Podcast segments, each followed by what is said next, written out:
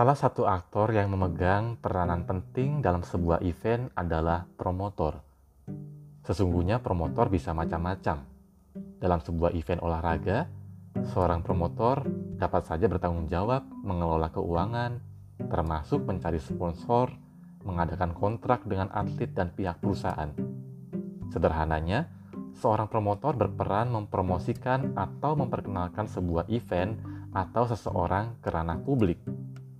Dalam konteks beriman, kita semua adalah promotor yang mempromosikan nilai-nilai yang kita imani.